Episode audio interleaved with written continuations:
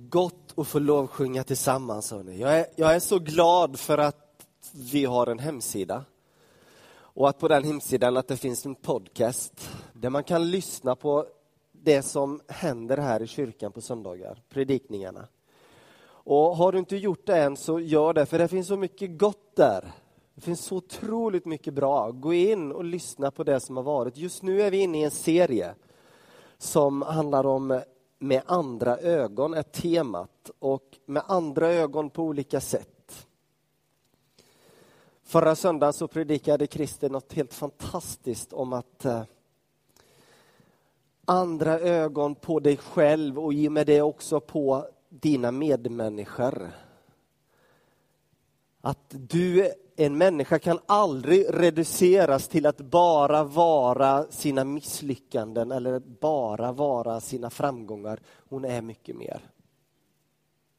Hon är mycket mer. Idag ska det handla också om andra ögon då givetvis. Och eh, nästa söndag så kommer det också handla om andra ögon och då kommer det handla om andra ögon på dina pengar. Och det är ganska viktigt. Så kom gärna nästa söndag också. Men idag så vill jag börja med att berätta lite en berättelse från Bibeln som har satt mig på spåret vad det gäller detta med andra ögon. Och det är från Lukas evangelium i Nya testamentet kapitel 24. Och den vane bibelläsaren här vet då precis vad det är jag kommer att återge för berättelse. Men det handlar om två killar som har under några år följt Jesus, men nu har Jesus gått och dött.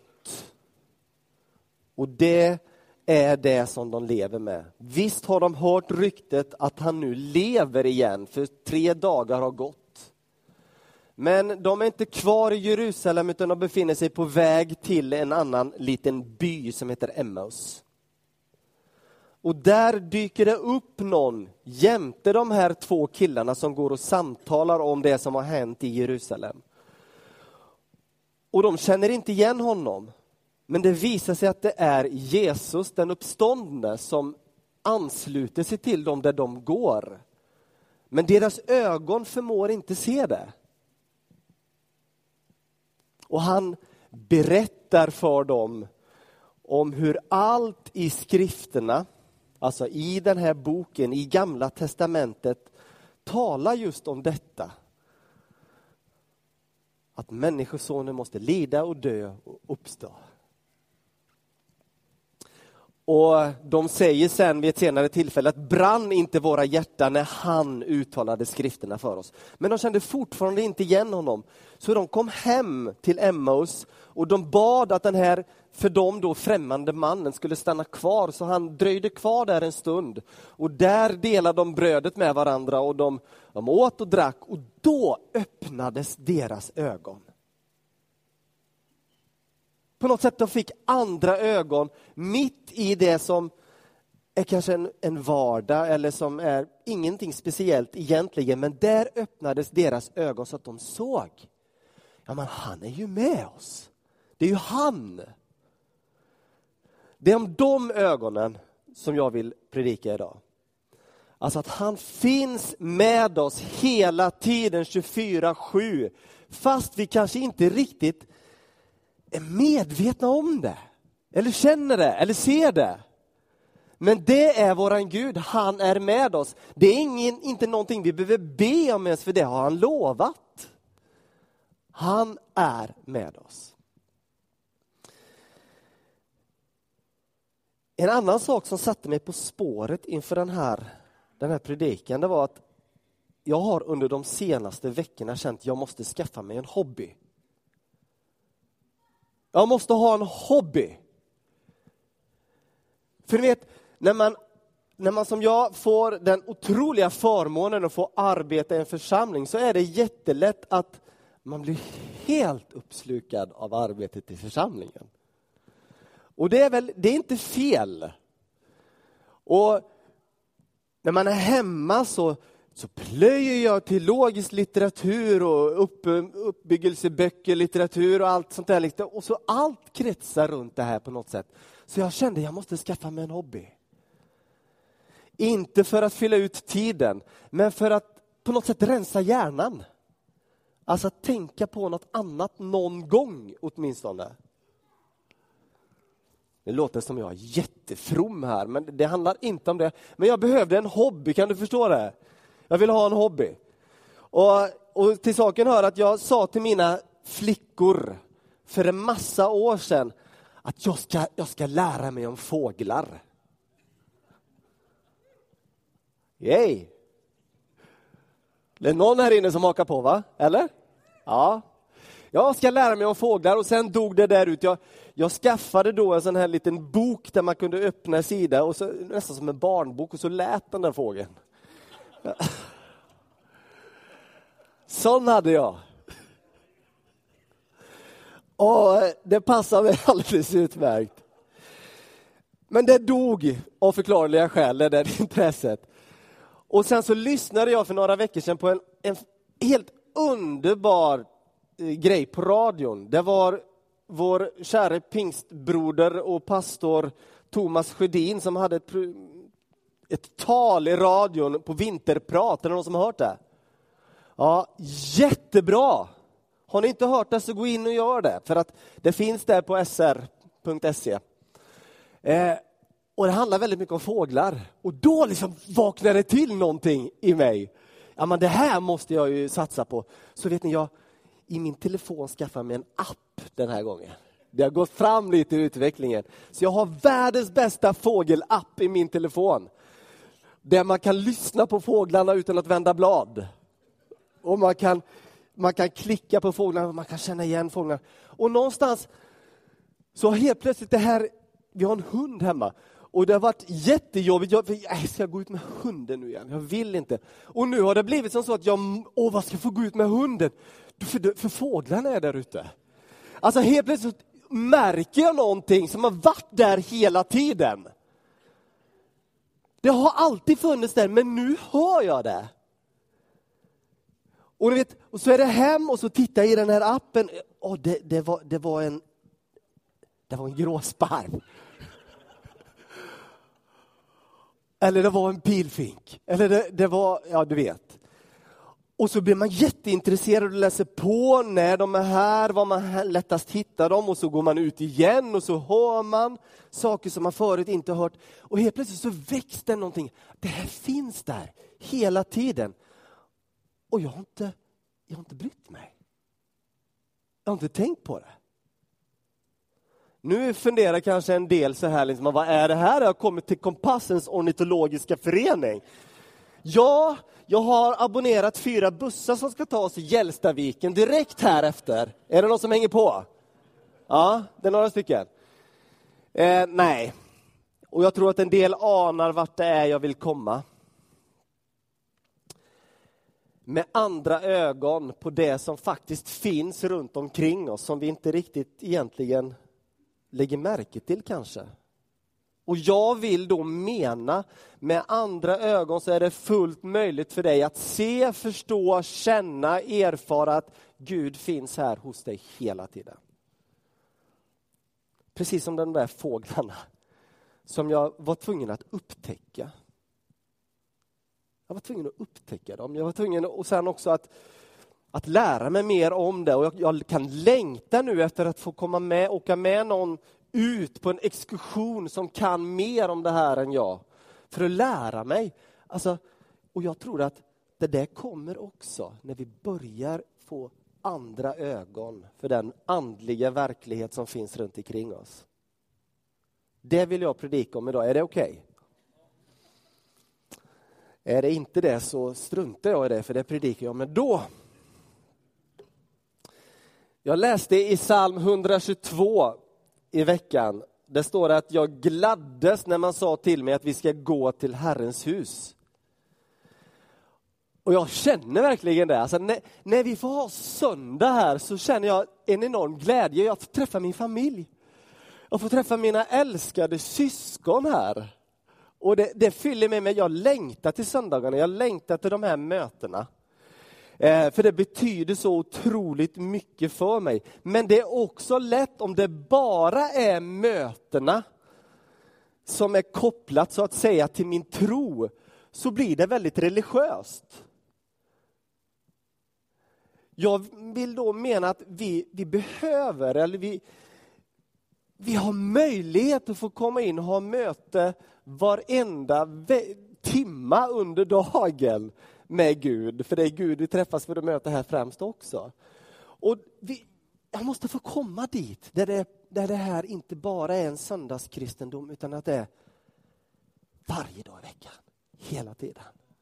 Hela, hela, hela tiden. Och sen när jag läser i Bibeln nu och när jag tänker tillbaka på de här texterna som jag har läst den här ganska många gånger, liksom, så jag, mycket av det, berättelserna sitter där, så, så handlar det väldigt mycket om vardag. Jag tänker sig patriarken Jakob till exempel som, som brottades med Gud och han sa vid det tillfället att tänk att Gud fanns här och jag visste det inte. Det var mitt i hans vardag. Där fick han gudsmötet. Eller Maria Magdalena som efter Jesu död och faktiskt också efter hans uppståndelse kommer till graven för att hon hade planerat att hon skulle smörja hans kropp. Och så märker hon att graven är tom. Och hon sätter sig där och gråter och är förtvivlad. Och så dyker Jesus upp vid hennes sida. Hon, förstår ni, det här med ögonen igen. Hon ser inte att det är Jesus. Hon förstår inte. Hon tror det är trädgårdsmästaren. Alltså det, det är någon vardag över det. Och sen öppnas hennes ögon och hon ser att det är han. Det är i vardagen. Eller i Johannes 21 när Jesu lärjungar har efter Jesu uppståndelse så ber de sig till Galileen. För Jesus skulle gå före dem dit men de hittar inte honom i Galileen. Så då bestämmer de sig för att åka ut och fiska, för det kan de. Det har de hållit på med hela sitt liv. Liksom. Och de, de kastar i näten, men de får ingen fisk. Och så hör de någon landkrabba som ropar, kasta ut näten på andra sidan. Och det gör de. Och så får de mycket fisk. Och då förstår Petrus, det måste vara Jesus. Alltså hans ögon öppnas, mitt i vardagen. Alltså gudsmötena, mitt i vardagen. Kan man då, det här är en fråga som jag ställer mig och som jag vill att du ska ställa dig också. Kan det vara så att vi har en möjlighet att träna på att upptäcka Guds närvaro mitt i vardagen? Kan vi öva oss i det här? Ungefär som när man är ute och kollar fåglar, liksom att man, man bestämmer sig för att jag vill verkligen höra nu, jag vill höra skillnad på koltrasten och sparven. Alltså, du vet, kan vi lära oss det där? Och jag vill mena, jag tror det. Jag tror vi kan öva oss i det, jag tror att vi kan lära oss det. Så därför så vill jag ge dig några konkreta, enkla tips. Och du får göra vad du vill med de tipsen. Men eh, det är tips som inte jag har kommit på och det är inga nya tips. Det är väl beprövade, de har fungerat i tusentals år. Och du kanske har hört dem förut, men då får du ta det som en påbackning, en påminnelse att, ja just det. Några konkreta, enkla tips. Är du med på den? Vi ska läsa psalm 92. 2 till 3. Det är gott att tacka Herren och lovsjunga ditt namn, du den högste, att på morgonen förkunna din nåd och om natten din trofasthet med tiosträngad lyra och luta med klingande toner på harpan. Så tips nummer ett, skaffa dig en tiosträngad lyra och en lutan harpa så är det löst.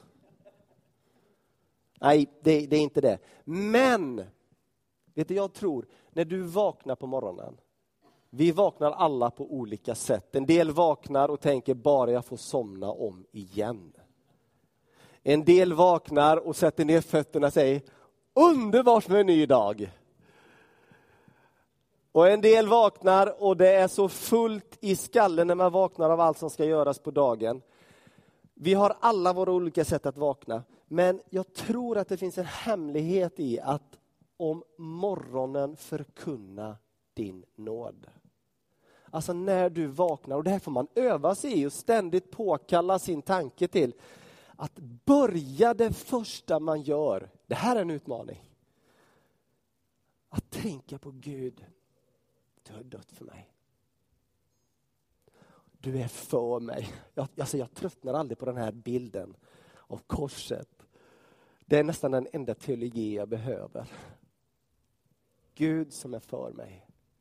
Tänk att jag får, att jag får vara ditt barn. Alltså börja dagen med att Gud är full av nåd. Och tala in detta i mitt liv och sen se vad resten av dagen för med sig. Men att det här får vara grunden. Det här låter väldigt banalt och enkelt men jag tror att det finns en jättehemlighet när vi börjar öva oss i detta. Enkelt, handfast och bra. Och när kvällen kommer, försöka rekapitulera på något sätt och se hur Gud har varit trofast om kvällen din trofasthet, läste vi. Hur har Gud visat sin trofasthet idag? Och börja tänka på det. här. Jag kan garantera dig att ditt liv börjar cirkulera och dina tankar börjar kretsa runt andra saker än vad det förut har gjort. När det här övas in i vårt sätt att vara som människor. Är ni med på det jag säger? Alltså, jag tror på det här. Jag tror på att hela vårt liv på det sättet kan bli ungefär som Ingemar Johansson sjunger i en låt som jag älskar så fantastiskt mycket som heter Mysterium. I det här benådade ögonblicket, nu när himmelen öppnar sig och allt genomlyses av uppståndelsens ljus och det fyller rummet och bekräftar dig. Alltså, förstår ni? Det här kan vi få med om. Ytterligare något tips. Och det här tror jag du känner igen dig Alla här inne tror jag har stått i snabbköpskassan med en halv helfylld, hel eller halvfylld vagn. Och bara det är ju en nåd att vi kan, vi kan fylla en vagn med mat och vi kan ta med oss den maten hem. Bara det är nåd.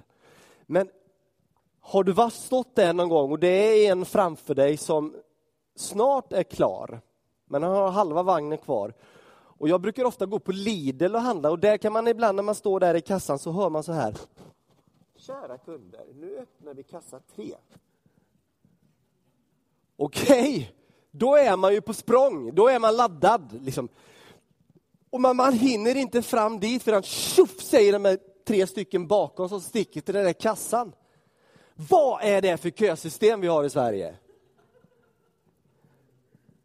Nu börjar det bubbla upp lite irritation här inne. Känner du igen dig? Det är ingen som har känt det här? Kom igen!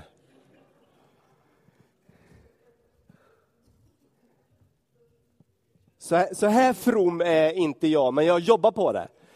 Jag tänker så här, tänk om vi kunde ta den här irritationen som kommer där inne och förvandla det till en välsignelse. Tänk om vi bestämmer oss för att jag ska bara, jag ska bara välsigna de här tanterna som sprang före mig i kön. Jag bara ska bara välsigna dem. Jag ska be för dem. Och du behöver inte ställa dig och ropa ut i bön och sträcka ut händerna. Liksom. Nej, men bara be stilla för dem och se vad som händer. Alltså tänk om vi kan ta varenda moment vi har av irritation som kommer upp i våra liv och förvandla det till en välsignelsestund. Tänk om det kan vara triggern hos dig att ständigt påkalla Gud när du irriteras. Det här är ju det annorlunda riket, tvärtom. Guds rike är annorlunda. Guds rike är så annorlunda.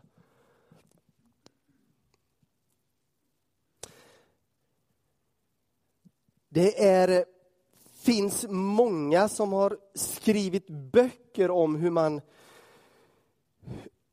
hur man verkligen kan leva i Guds närvaro. Och ska jag vara ärlig så, så vill jag mena att våra katolska bröder och systrar är mycket duktigare, åtminstone i litteraturen, på att skriva om det här än vad protestanter oftast är.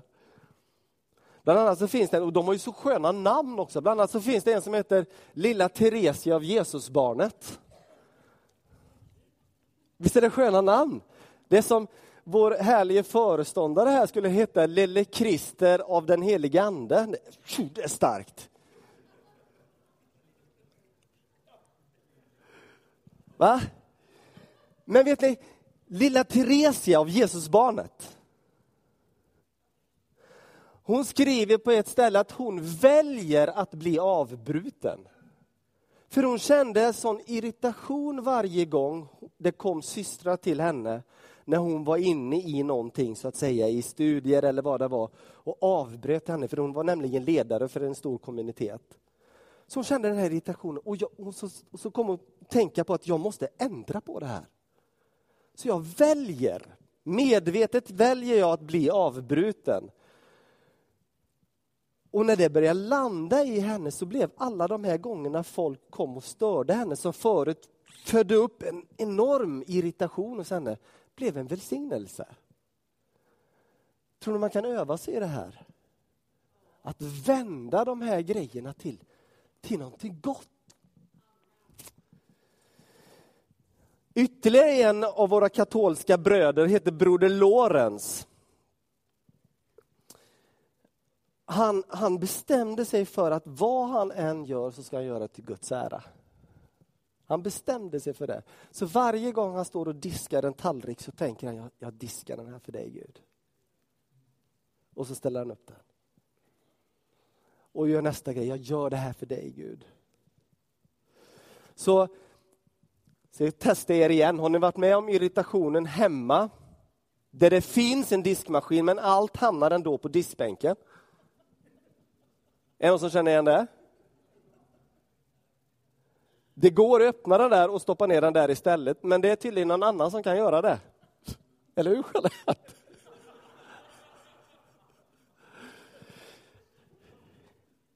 Tänk att få ta den där tallriken och bara, bara känna, Gud jag gör det här för dig. Ja, ni skrattar ni, men jag vill mena på att det finns en hemlighet här. Det finns en hemlighet här. Att göra det vi gör för Gud när vi städar toaletterna här, här ute. Tack Jesus att jag får göra det här för dig.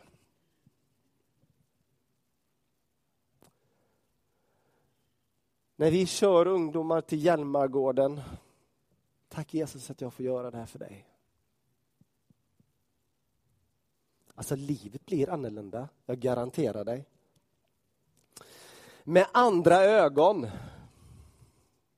sådana här benådade tillfällen då tillvaron öppnar sig.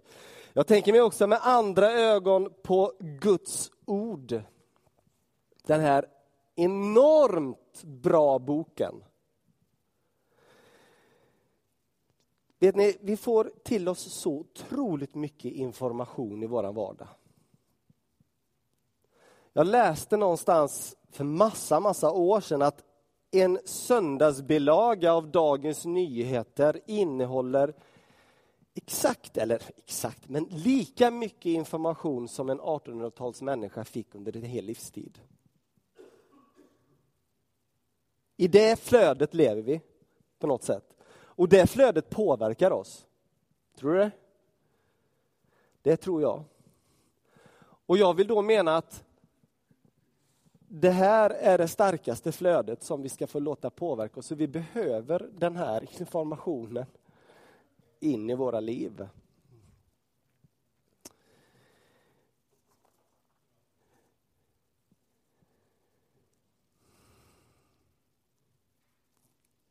Vet ni, jag, jag tror att vi kommer att komma in i en tid då de som har den stora förmånen att få äga en sån här, och det är inte alla som har.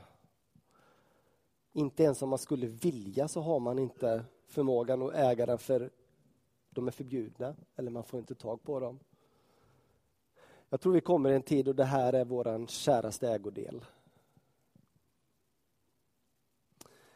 Den absolut käraste ägodelen. För att här finns det någonting. Det står bland annat i psalm 119 som är en favoritsalm, det är den absolut längsta eh, saltaren, eh, sal, eller salmen är saltaren. Men det står så mycket bra i den. Bland annat står det så här, öppna mina ögon så att jag ser undren i din undervisning. Vi behöver, vi behöver med andra ögon, förnyade ögon på undren som står här. Och Jag tänker mig också att när vi, när vi läser här att vi ber gode Gud, öppna mina ögon så att jag ser Jesus. För var det inte då det brann i våra hjärtan? Inte bara läsa, utan Jesus öppna mina ögon så att jag ser.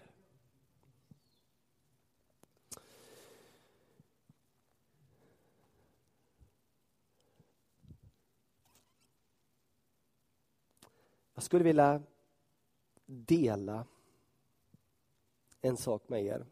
Jag tror också att, att vår Herre kan öppna våra ögon på ett sätt så att vi ser det som ännu inte är. Förstår du vad jag menar? Alltså, när Bibeln undervisar om det här så talar den om en, en profetisk gåva eller en profetisk eh, kallelse eller gåva eller förmåga att kunna få se och tala ut någonting som ännu inte är, men som kommer att bli. Och det finns en sån sak som jag upplever och du får pröva. Som jag har till den här församlingen just nu och det är helt och hållet taget ifrån Bibeln. Och Det är från en gammaltestamentlig profet som heter Haggai.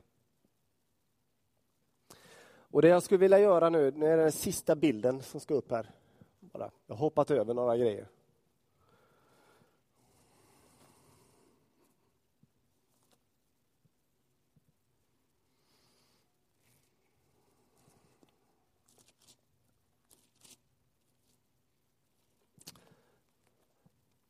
Ta emot det här och pröva, för jag tror med de här ögonen, hjärtats ögon, att det här är någonting som Gud vill låta ske med oss. Det börjar så här. Är detta, in, är detta inte som ingenting i era ögon? Alltså det som vi ser just nu. Är det, verkar det inte lite litet? Är det som ingenting i era ögon? Men så kommer det vidare. Arbeta, för jag är med er, säger Herren. Ge inte upp. Håll kvar. Min ande är mitt ibland er. Var inte rädda.